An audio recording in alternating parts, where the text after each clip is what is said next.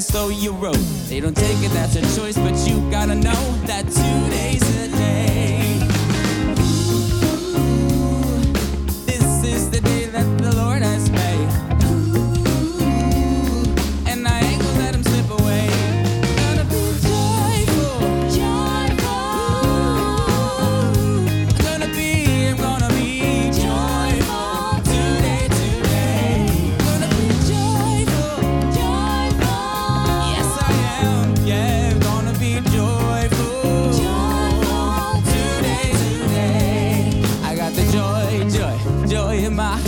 joy in my heart, down in my heart. I got the joy, joy down in my heart. Today, today.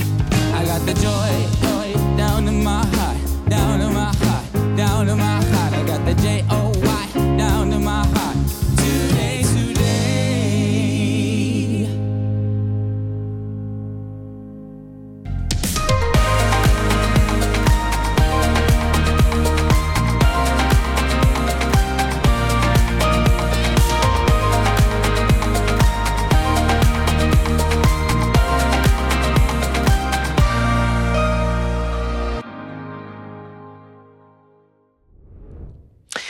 Welkom bij Upstream. Ik weet niet precies hoe je hier terecht bent gekomen, maar ik hoop dat je even blijft hangen. En ik hoop ook vooral dat door alles heen je iets mag ervaren, iets mag proeven van de liefdevolle God van de Bijbel, die we zelf ook in ons leven hebben mogen ervaren. We zitten in de serie Keep on Dreaming. Blijf dromen. En daarin staan we elke keer stil bij een bepaalde droom die je zou kunnen hebben. En misschien gaat het deze keer wel iets over waar jij over droomt.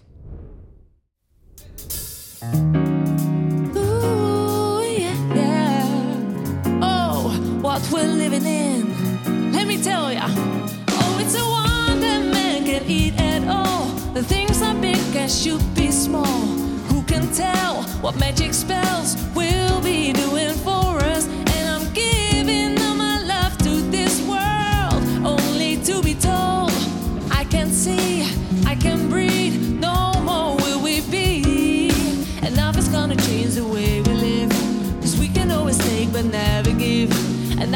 Are changing for the worse. See, whoa, it's a crazy world we're living in.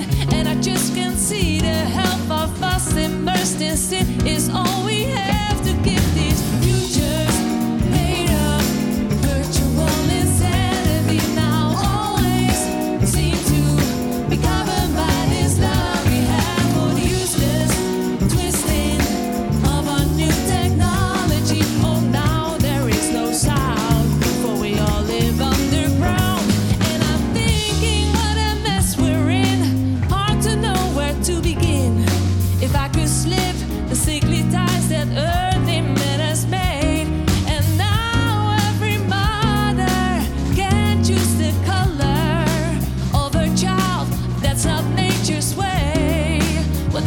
suggest today. There's nothing left to do but pray. I think it's time to find a new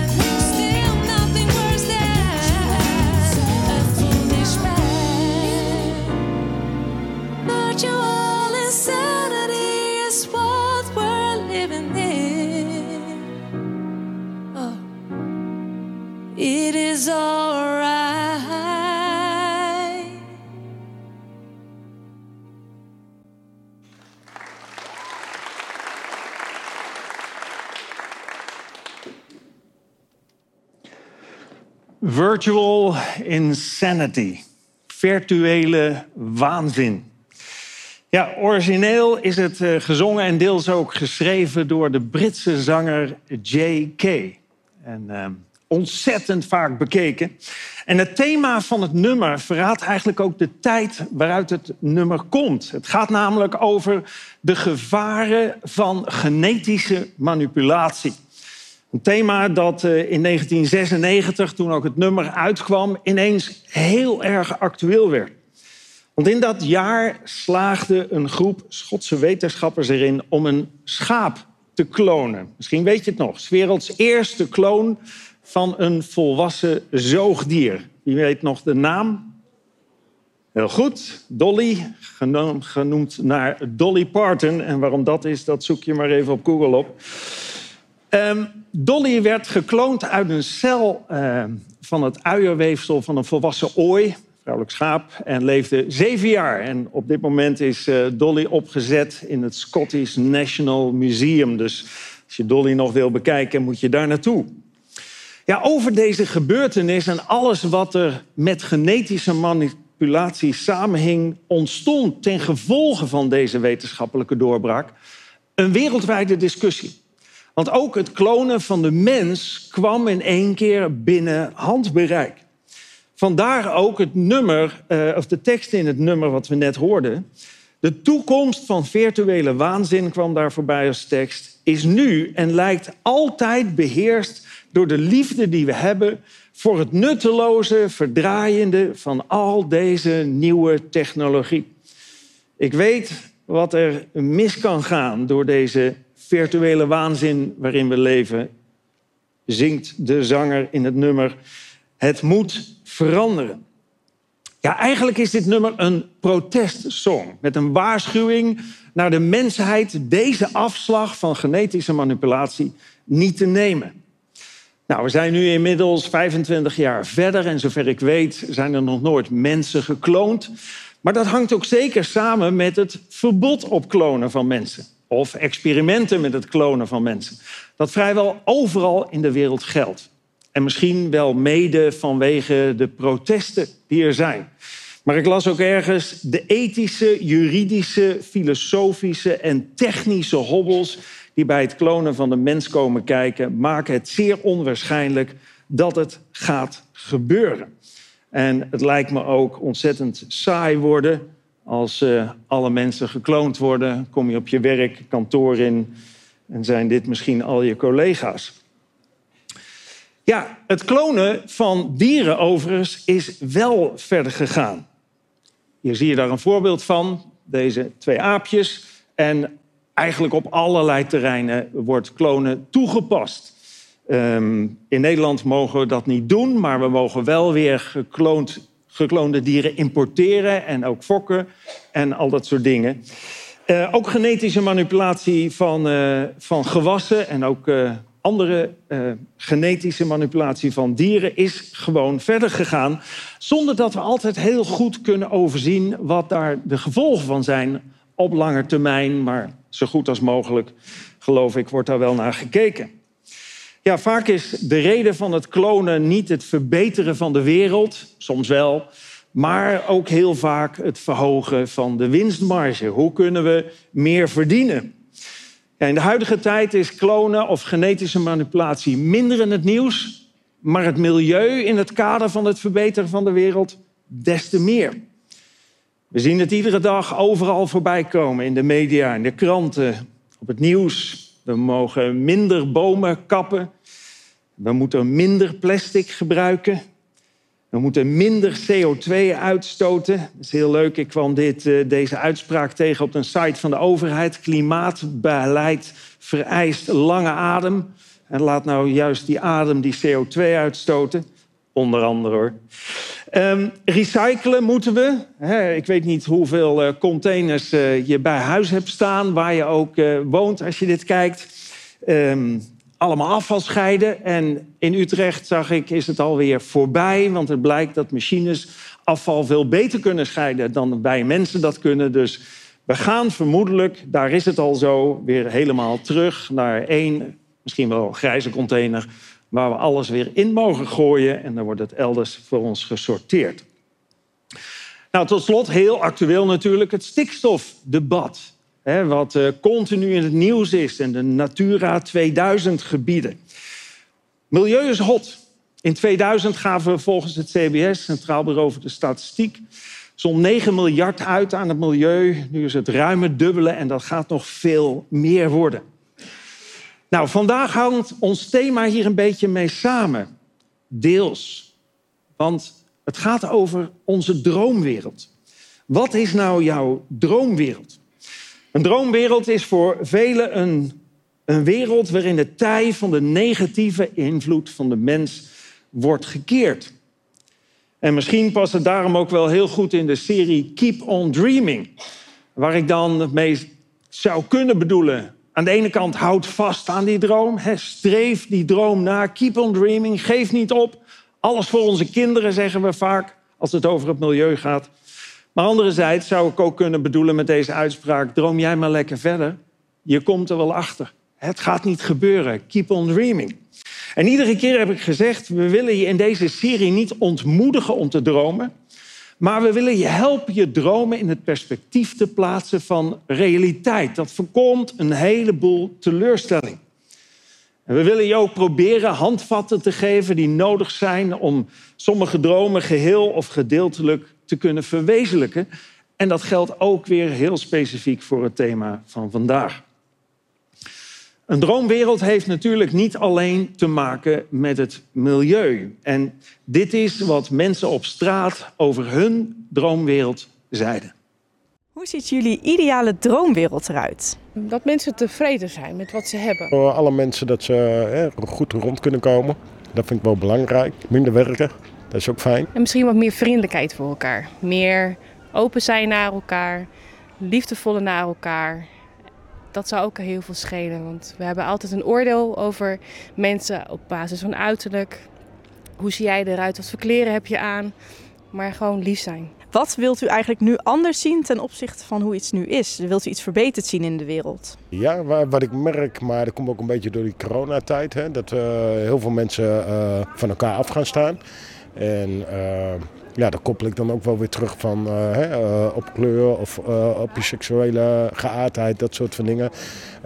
het verbaast me dat mensen nog steeds moeilijk doen over dat soort van dingen en dat we elkaar niet respecteren. Dus ja, dat, dat zou iets zijn wat heel mooi zou zijn, maar ik denk dat het niet gaat lukken. Wij gaan het niet meemaken, denk ik.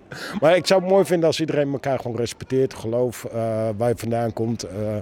Als dat eh, anders zou zijn, dan zou ik dat eh, super tof vinden. Wat zou je in de toekomst eh, verbeterd willen zien ten opzichte van hoe het nu is? Dat jongeren opgroeien met respect sowieso. Dat die mensen in Ten Apel niet meer buiten hoeven te slapen. Want ik zie eten dat ze buiten moeten slapen. Plastic. Ja, moet even veranderen, want overal in de wereld ligt plastic. Ik denk dat als je begint bij je eigen gezin en bij je eigen familie en in je eigen omgeving, dat zal er ook meer respect zijn voor de aarde. Want de aarde hebben we gekregen om goed voor te zorgen. En daar zorgen we gewoon niet goed genoeg voor. Hoe zien jullie de ideale droomwereld voor je? Vliegende auto's. Heel veel mensen, astronauten, willen naar de maan. Misschien kunnen we daar ook wonen. Als je op een droomwereld uh, verwacht, zeg maar, uh, denk ik niet uh, dat er een droomwereld gaat komen. Ik denk dat het hoe jammer ook, het uh, best wel slechter wordt. Ik denk dat het inderdaad alleen maar slechter gaat worden. Ik denk dat we ons moeten voorbereiden op uh, nog meer natuurrampen uh, zoals nu. We hebben het natuurlijk nu heel erg warm gehad in Nederland. De aarde gaat nog meer opwarmen. En zolang wij daar niks aan doen en zolang wij onze kinderen daar niet goed in opvoeden en misschien zelfs het slechte voorbeeld geven, gaat dat niet gebeuren. Hoe we met elkaar omgaan, dat, dat is belangrijk. Hè? We moeten elkaar gewoon respecteren en elkaar uh, de dingen gunnen. En ja, je merkt gewoon dat we een egoïstische maatschappij uh, leven, helaas. Ik, ik, denk het mooiste is gewoon wat we hebben: de natuur, de steden die we hebben. Ja, we hebben een mooie wereld. Uh, nu nog mooie mensen en dan zijn we klaar. Ja, de omgang met elkaar, liefde, respect komt zeker net zoveel naar voren als het uh, milieu of op die manier de wereld verbeteren. En uh, wat daar op dat terrein moet gebeuren. Er was, moet ik zeggen, niet algemeen groot optimisme te bespeuren. De twee dames waren van mening dat het niet zo goed gaat en niet goed gaat komen met deze wereld. En de video sloot af met deze uitspraak: We hebben een mooie wereld, nu nog mooie mensen. En dan zijn we klaar. Nou, ik persoonlijk denk niet dat het milieu ons grootste probleem is. En daarnaast is het nog maar de vraag of we daar wel zoveel invloed op kunnen uitoefenen. Dag in, dag uit horen we over de smeltende ijskappen en smeltende gletsjers. En dat uh, allemaal in verband wordt gebracht natuurlijk ook met de handel en wandel van de mens. Maar is dat zo? Is dat, kunnen we dat met zekerheid vaststellen? Als ik dit artikel goed begrijp, waren de gletsjers vroeger, in vroegere periodes, ook niet aanwezig op deze plekken waar ze tot voor kort nu nog wel waren. En ik las een artikel van professor Dr. Salomon Kronenberg op de website geografie.nl. Met als kop smeltende gletsjers niets aan de hand. Um, professor Dr. Kronenberg is een Nederlands geoloog, aardkundige, die tot 2009 hoogleraar in de toegepaste geologie was aan de TU in Delft. En hij schrijft in dit artikel de Mendenhall, of de Mendenhall Gletsjer bij Juneau, de hoofdstad van Alaska, wordt al jaren goed gemonitord door de groep van Katie Connor van de University of Alaska Southeast. Op de luchtfoto's is te zien dat de gletsjer zich sinds 1760 continu heeft teruggetrokken. Dat zou je nog kunnen verbinden misschien met het ontstaan van de, van de industrie, de industriële revolutie. Maar wel met variabele snelheden. Langzaam in de laatste jaren van de kleine ijstijd. Snel in de jaren 1920 tot 1940, toen we snelle periode van opwarming beleefden. En weer langzaam tussen de jaren 1949 en 1982, toen we een periode van 35 jaar afkoeling doormaakten. Maar haar spectaculairste vondst deed Connor in 2013. Toen ontdekte zij onder de zich terugtrekkende gletsjer een versplinterde boomstam, die 2000 jaar oud was uit de Romeinse tijd. De betekenis van die vondst kan nauwelijks overschat worden. Het wil zeggen dat op die plaats waar nu de gletsjertong ligt, in de Romeinse tijd een bos stond. De gletsjer moet toen kleiner geweest zijn dan nu. Het is dus niet correct dat de gletsjer nu kleiner dan ooit is. De huidige terugtrekking valt binnen de bandbreedte van de natuurlijke processen die de gletsjerlengte bepalen. Nou, hij ziet ook geen verband tussen de opwarming van de aarde en de uitstoot van CO2. En daarin staat hij niet alleen. Eigenlijk staan veel wetenschappers regelmatig lijnrecht tegenover elkaar. En ik noem dit omdat dit niet zoveel wordt gezegd, maar misschien lijkt het wel weer tot meer polarisatie, want dat is wat onze maatschappij kenmerkt. dat hadden we rondom de coronacrisis, hebben we rondom het milieu. Eigenlijk, ik hoorde iemand zeggen, ja, sinds niet meer de geleerden de richting bepalen, maar de politiek, als het gaat om dit soort thema's, ja, wordt ook de wetenschap steeds meer politiek getint. En daardoor krijg je misschien ook wel die grote verschillen. Van wetenschappers die keer op keer lijnrecht tegenover elkaar staan. Ja, wie heeft er gelijk? We zullen het misschien nooit weten.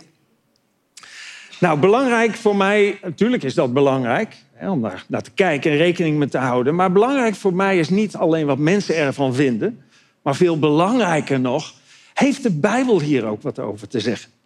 En waarom hecht ik daar zoveel waarde aan? Nou, omdat ik geloof dat God bestaat. Dat zou je niet verbazen. Ik geloof ook dat de aarde niet maar zo is ontstaan. Daarvoor is de aarde voor mij te complex. Alles wat gecreëerd wordt, wat wij maken, daar snappen we dat daar intelligentie voor nodig is.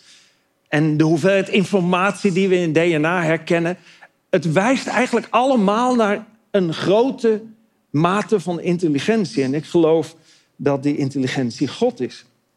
Dat hoef je niet ook te geloven als je hier zit of als je dit in een Upstream Café volgt of online. Maar misschien wil je minimaal openstaan voor de optie dat het waar is. We kennen vast wel het spreekwoord: de mens wikt, maar God beschikt. En dat spreekwoord is onder andere gebaseerd op wat de wijze koning Salomo, die zo'n duizend voor Christus koning was, wat hij schrijft. En hij schrijft onder andere: Een mens stippelt zijn weg uit, De Heer bepaalt de richting die hij gaat. En iets verderop in hetzelfde boek Spreuken, met uitspraken van deze koning Salomo. Een mens maakt allerlei plannen wat wordt uitgevoerd. Ehm, een mens maakt allerlei plannen. Wat wordt uitgevoerd is het plan van de Heer. Dat wil niet zeggen dat wij mensen een soort van robotten zijn. Nee, ik geloof dat wij mensen een vrije wil hebben gekregen en verregaande keuzes kunnen maken. Misschien is er daar ook wel, daarom ook zoveel ellende om ons heen, omdat we daarin soms hele verkeerde keuzes maken. Maar ik geloof dat wij niet het grote plaatje bepalen. Ik geloof dat God een plan heeft met deze wereld, een plan heeft met ieders leven. En los van wat wij mensen allemaal bedenken, gaat op macroniveau, geloof ik, gebeuren wat God voor ogen heeft. Is de loop van de geschiedenis of het verloop van de geschiedenis nadat het in het begin fout is gegaan, daar heb ik de eerste en de tweede keer nadrukkelijk bij stilgestaan van deze serie, is de loop van de geschiedenis door God uitgestippeld. En de geschiedenis heeft ook bewezen dat dat zo werkt. In de Bijbel staat dat God via de profeet Jezaja, ongeveer 700 voor Christus, is dat zegt: Wat ik vroeger voorzegd heb, zegt God, is uitgekomen. En nieuwe gebeurtenissen kondig ik aan. Nog voor ze aanbreken, laat ik ze u weten. En iets verderop in datzelfde Bijbelboek, het is een profeet. Een profeet is iemand die boodschappen van God ontvangt en die doorgeeft, op, uitspreekt of opschrijft. En daarom kunnen we ze ook nog teruglezen. Iets verderop schrijft hij op: Denk terug aan alles wat eertijds is gebeurd. Ik ben God. Er is geen ander. Ik ben God. Niemand is aan mij gelijk. Die in het begin al het einde aankondigde en lang tevoren wat nog gebeuren moest. Die zegt: Wat ik besluit, wordt van kracht. En alles wat ik wil, breng ik ten uitvoer.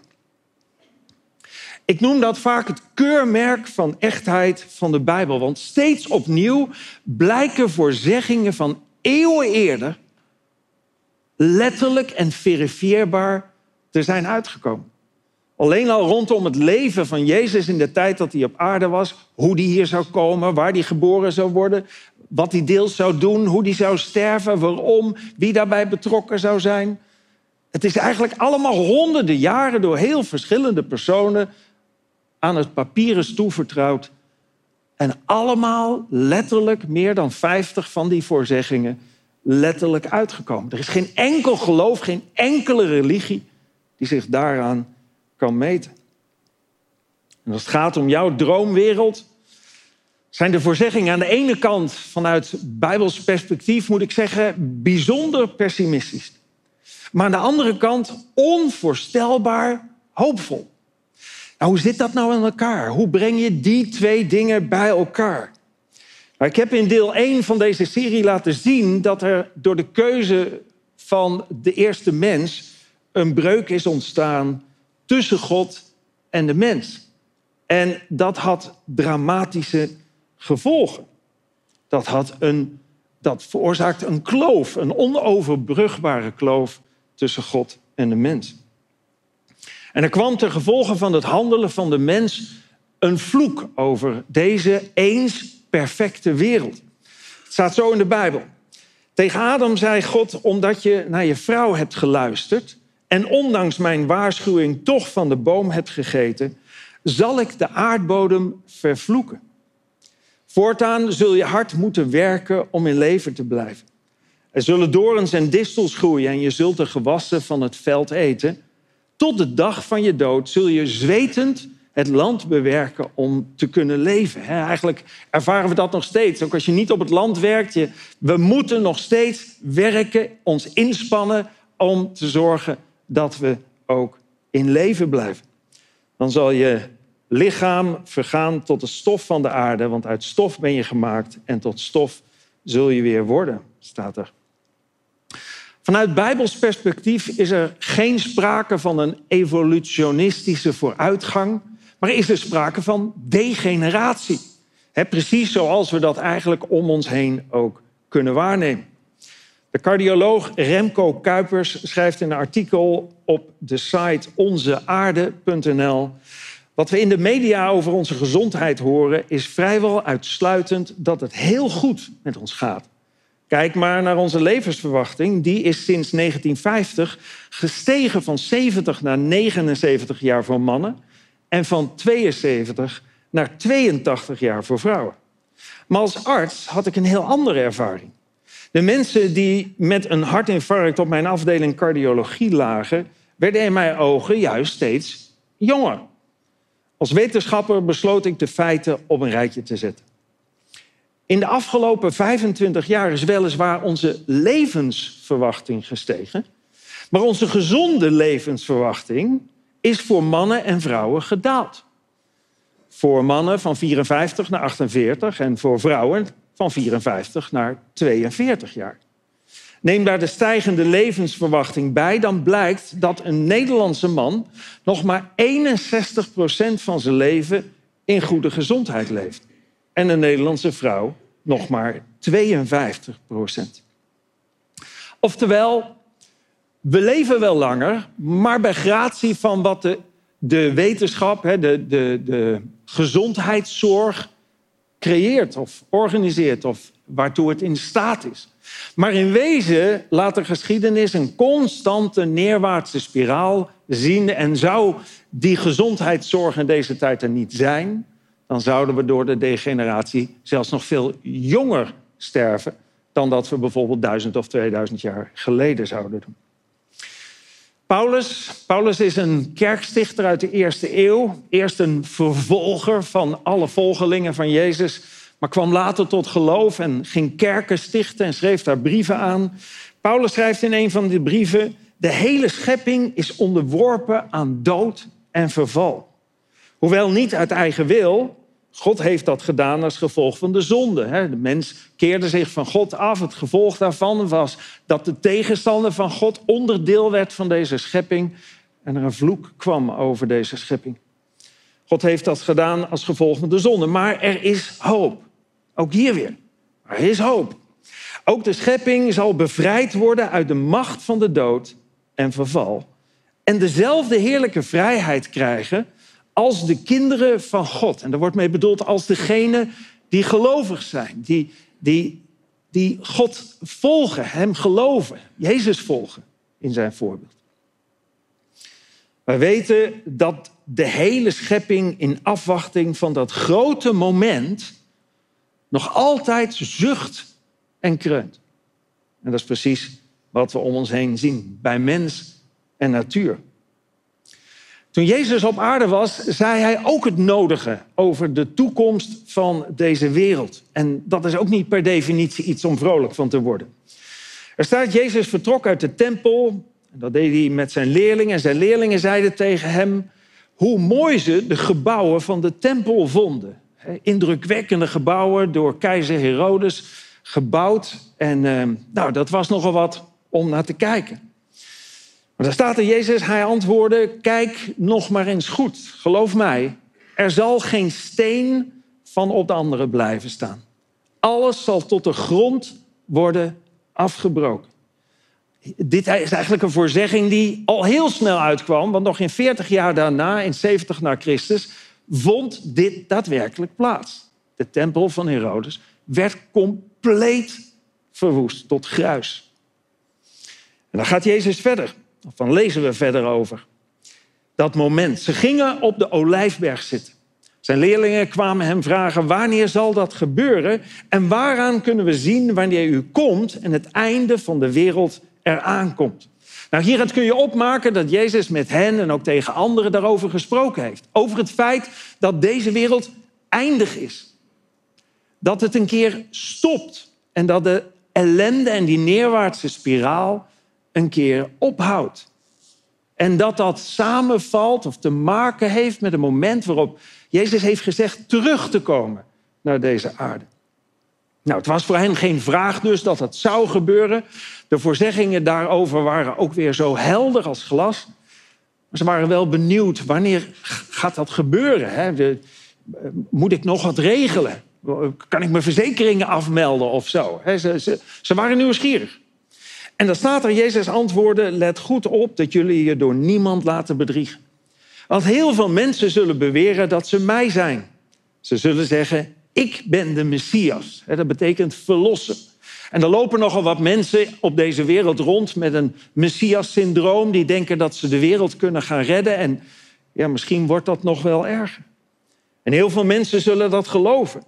Ook zullen jullie horen over oorlogen en over berichten van oorlogen. Maar laat je daardoor niet bang maken. Die dingen moeten gebeuren, maar het is nog niet het einde. Want allerlei landen en volken zullen met elkaar oorlog voeren. En er zullen op allerlei plaatsen hongersnoden, gevaarlijke ziekten en aardbevingen zijn. Maar dat is pas het begin van het einde, of zoals een andere vertaling zegt, het begin van de weeën. Het gaat ergens naartoe onderweg, maar dat is slechts het begin. En je zou kunnen zeggen, ja, hongersnood is er altijd geweest, en oorlog is er altijd geweest, en, en natuurrampen zijn er altijd geweest, en ziekten zijn er altijd geweest. Dat klopt. Maar als je kijkt naar de statistieken, dan zie je dat alles progressief variabel toeneemt. Het gaat niet op en neer, de ene keer wat meer, de andere keer wat minder. Nee, het blijft alleen maar stijgen onderweg, geloof ik, naar dat punt. Want ik geloof dat het met deze wereld waarop we leven niet meer goed komt. Dat ontslaat ons natuurlijk niet van de verantwoordelijkheid om verantwoord om te gaan met de wereld waarop we leven, maar aan deze wereld geloof ik op basis juist ook weer van deze voorzeggingen dat er een einde komt. En daar ben ik eigenlijk wel blij mee, want ja, de voorzegging is dat er iets beters voor in de plaats komt. De voorzeggingen daarover in de Bijbel zijn helder en ja, dat geeft mij althans en heel veel mensen hou vast. Misschien hoor je het voor het eerst, misschien ben je door iemand meegenomen of zit je in een Upstream café te luisteren, ben je door iemand uitgenodigd te denken waar gaat dit allemaal naartoe? Nou, eigenlijk gaat het naar iets heel moois toe en daarom delen we het ook zo graag. We lazen net, de hele schepping is onderworpen aan dood en verval, maar er is hoop. Nou, hoe ziet die hoop eruit? Nou, we lazen net ook, we weten dat de hele schepping in afwachting is van dat grote. eh, we weten dat de hele schepping in afwachting van dat grote moment, nou, er komt nog wat achter, nog altijd zucht en kreunt. Hè, ik las het net. In afwachting van een groot moment. En over dat moment sprak Jezus, sprak Paulus. En toen Paulus die brief stuurde aan die gelovigen in Rome, voegde hij daar nog wat aan toe. Hij zei dat geldt ook voor ons, voor ons gelovigen.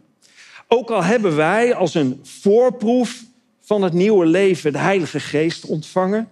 Er, er is al, doordat deze mensen tot geloof waren gekomen, een connectie ontstaan tussen God en hen, die eerst gebroken, verbroken was.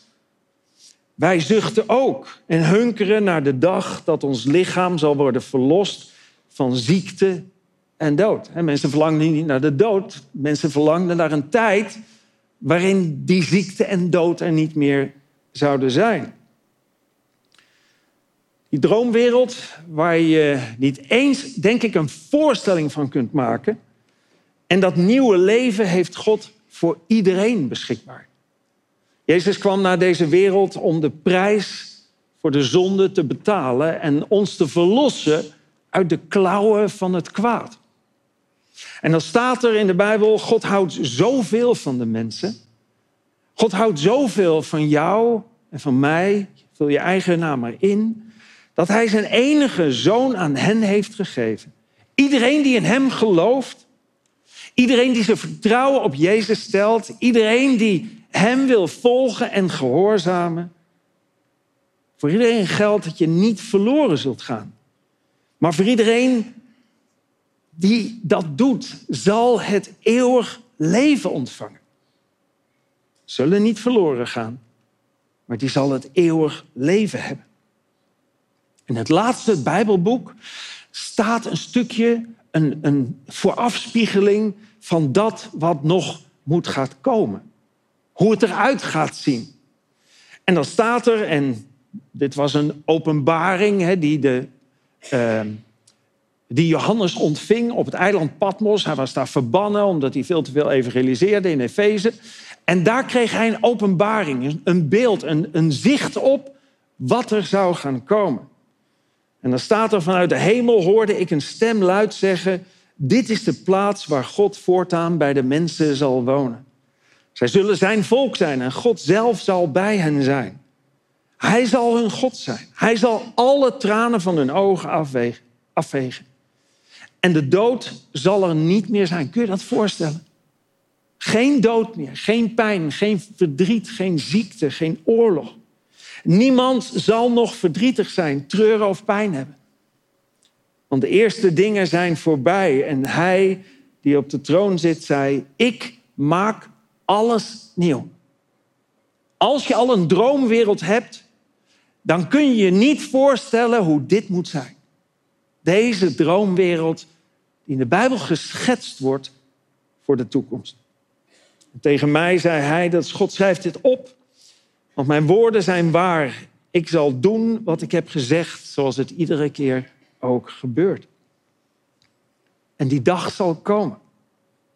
En de vraag is, waar ben jij op die dag die komt? Waar ga jij naartoe als je de grens van het leven hier achter je laat en over de grens van de dood gaat? Want God biedt het ieder mens aan.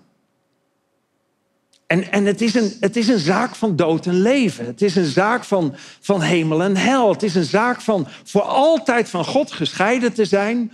Of altijd bij God in een wereld die je zelfs in je stoutste dromen niet voor je kunt zien.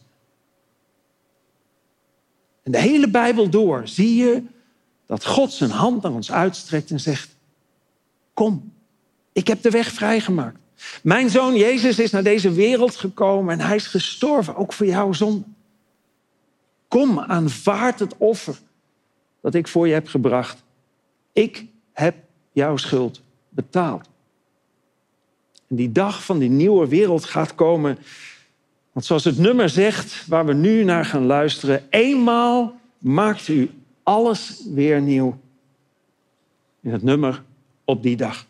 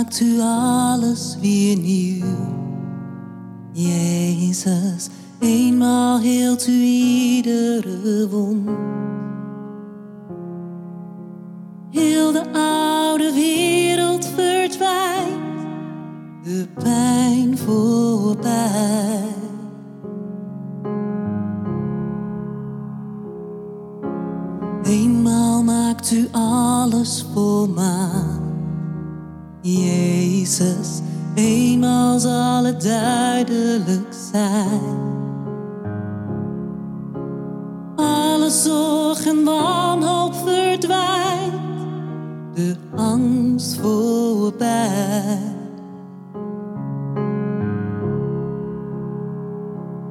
Op die dag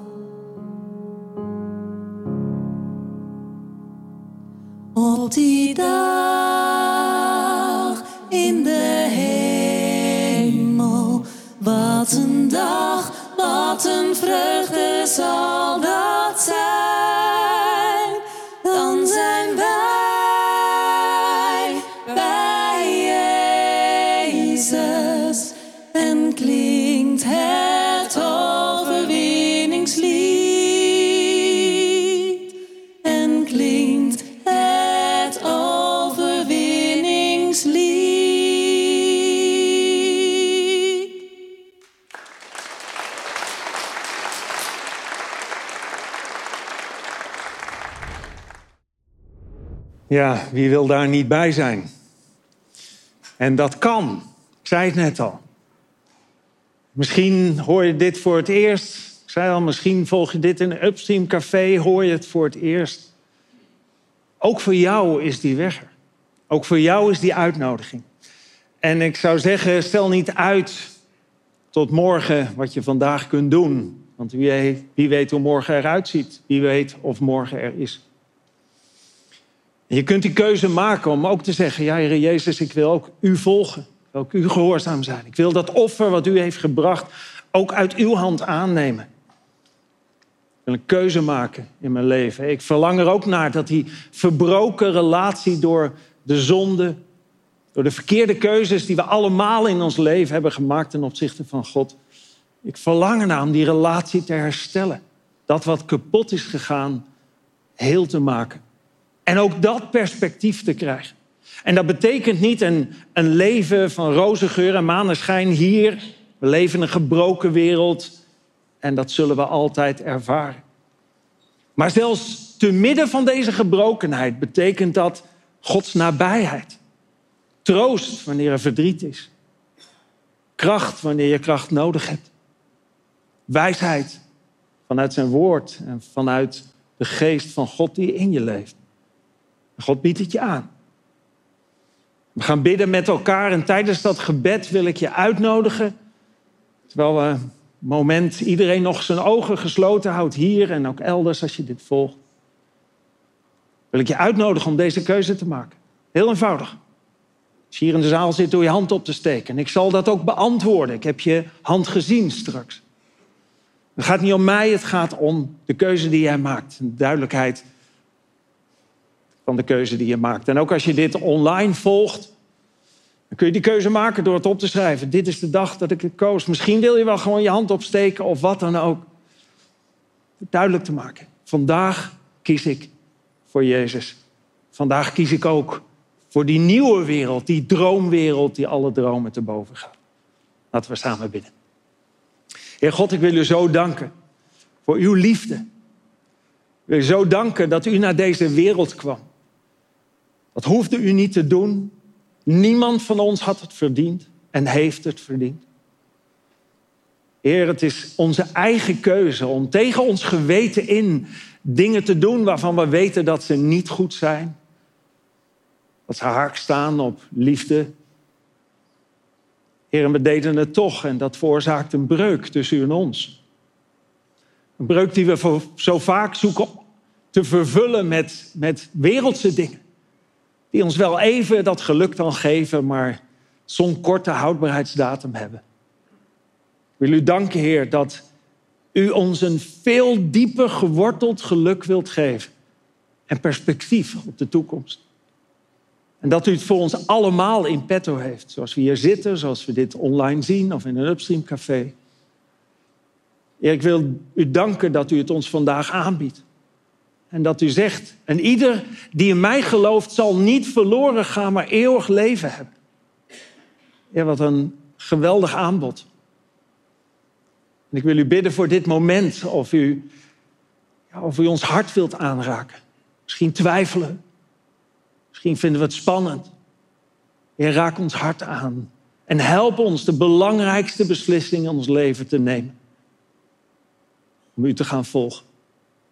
Ik wil jullie allemaal vragen, zoals je hier zit of elders, nog een momentje ogen gesloten te houden. En ik wil je vragen, als jij deze keuze op dit moment wilt maken, wil je dat dan als je hier zit duidelijk maken door je hand op te steken en ik zal dat beantwoorden. Steek je hand maar op. Dank je wel, ik heb je hand gezien daar. Dank je wel, ik heb je hand gezien. Dank je wel, ik heb ook jouw hand gezien daar links.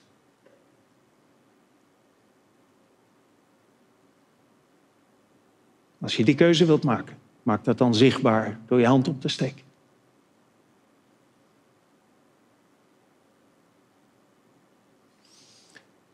Dank u wel, Heere God. Voor de mensen hier in de zaal, voor de mensen die dit online kijken, voor de mensen die dit meemaken in de Upstream Café.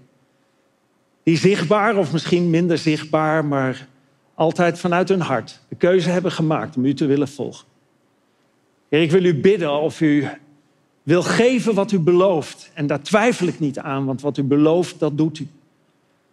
Heer, of u hen wilt helpen om vervolgstappen te zetten. Om de Bijbel, om uw woord te gaan lezen. Om misschien een kerk te gaan bezoeken. Als dat nog niet het geval is. Om meer over u te leren. Ik wil u danken, Heer, dat u leven wilt geven. Iedere keer opnieuw. En ook vandaag nog. Ik wil u bidden voor mensen die hier zitten of dit volgen. Die misschien ooit wel die keuze hebben gemaakt, maar waar het vlammetje een beetje is gedoofd. Wil u bidden, Heer, of u de vlam weer wilt aanwakkeren. Dat we weer vurig mogen zijn. Zeker in een tijd waar, waar het zo lastig is en waar een, waar een keuze zo belangrijk is. Kiezen we voor of kiezen we tegen u? Heer, ik wil u bidden of u ons wilt leiden en helpen, beschermen. En altijd perspectief willen geven op de hoop die er is. Daar willen we u voor danken. In Jezus' naam. Amen. Ja, dan gaan we bijna naar het einde toe. Tijdens, de, uh, tijdens deze ochtend schrijf ik altijd een, een gedichtje. Uh, ja, waar alles proberen samen te brengen. En misschien soms wat toevoeg, soms wat weglaat. Luister maar mee. Het heet Ik ben type 3, maar noem me gerust een gekkie. Als ik om me heen kijk, dan raak ik vaak verward.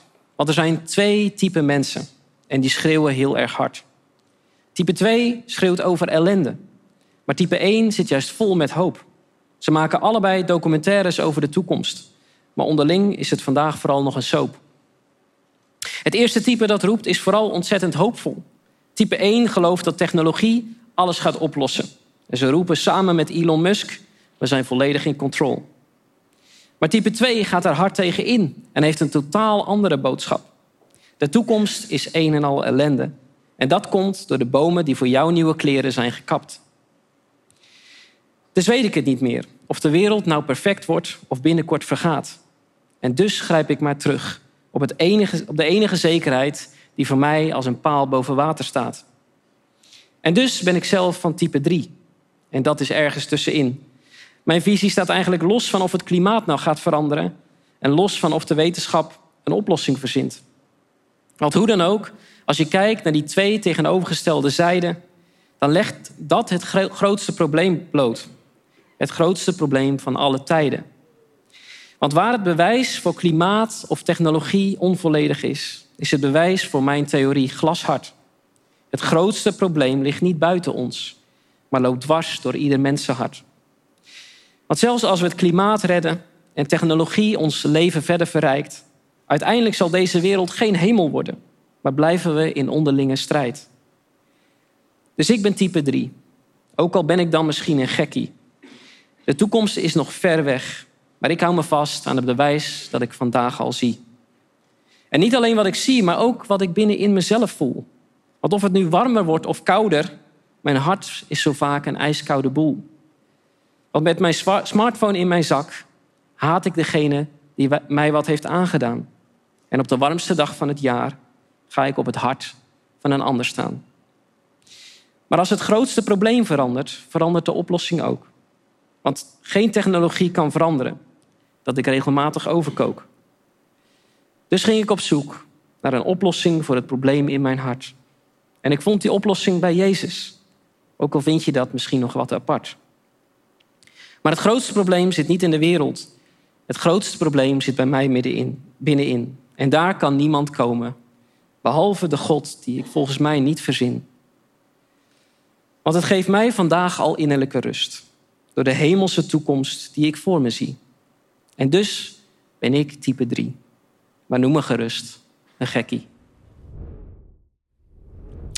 Ja, dan zijn we bijna alweer aan het einde gekomen. Er komt zo nog een mooi nummer aan. Maar eerst nog even een paar kleine dingen.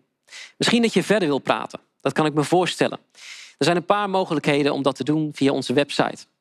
Tegelijkertijd zit er misschien wel een upstream locatie bij jou in de buurt. En dat is een plek waar je samen met andere mensen deze video's kunt beleven en daarover door kunt praten. Kijk snel of dat er zo'n upstream locatie bij jou in de buurt zit. En tenslotte, ja, misschien wil je nog meer video's kijken. Dat kan. Onze website staat vol met video's over allerlei thema's. Voor nu, tot ziens bij Upstream. Zullen we gaan staan met z'n allen? Oké, okay. alright. Yeah. I should have had it all together by now. And I feel like I keep letting you down. The same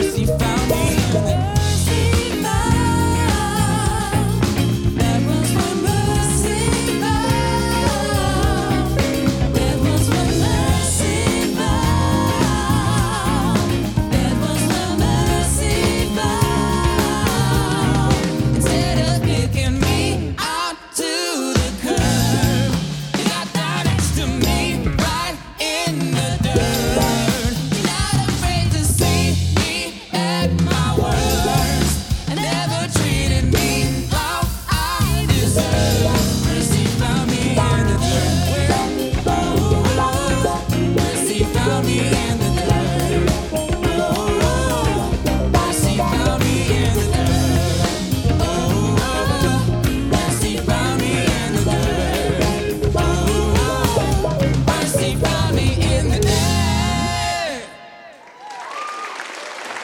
air.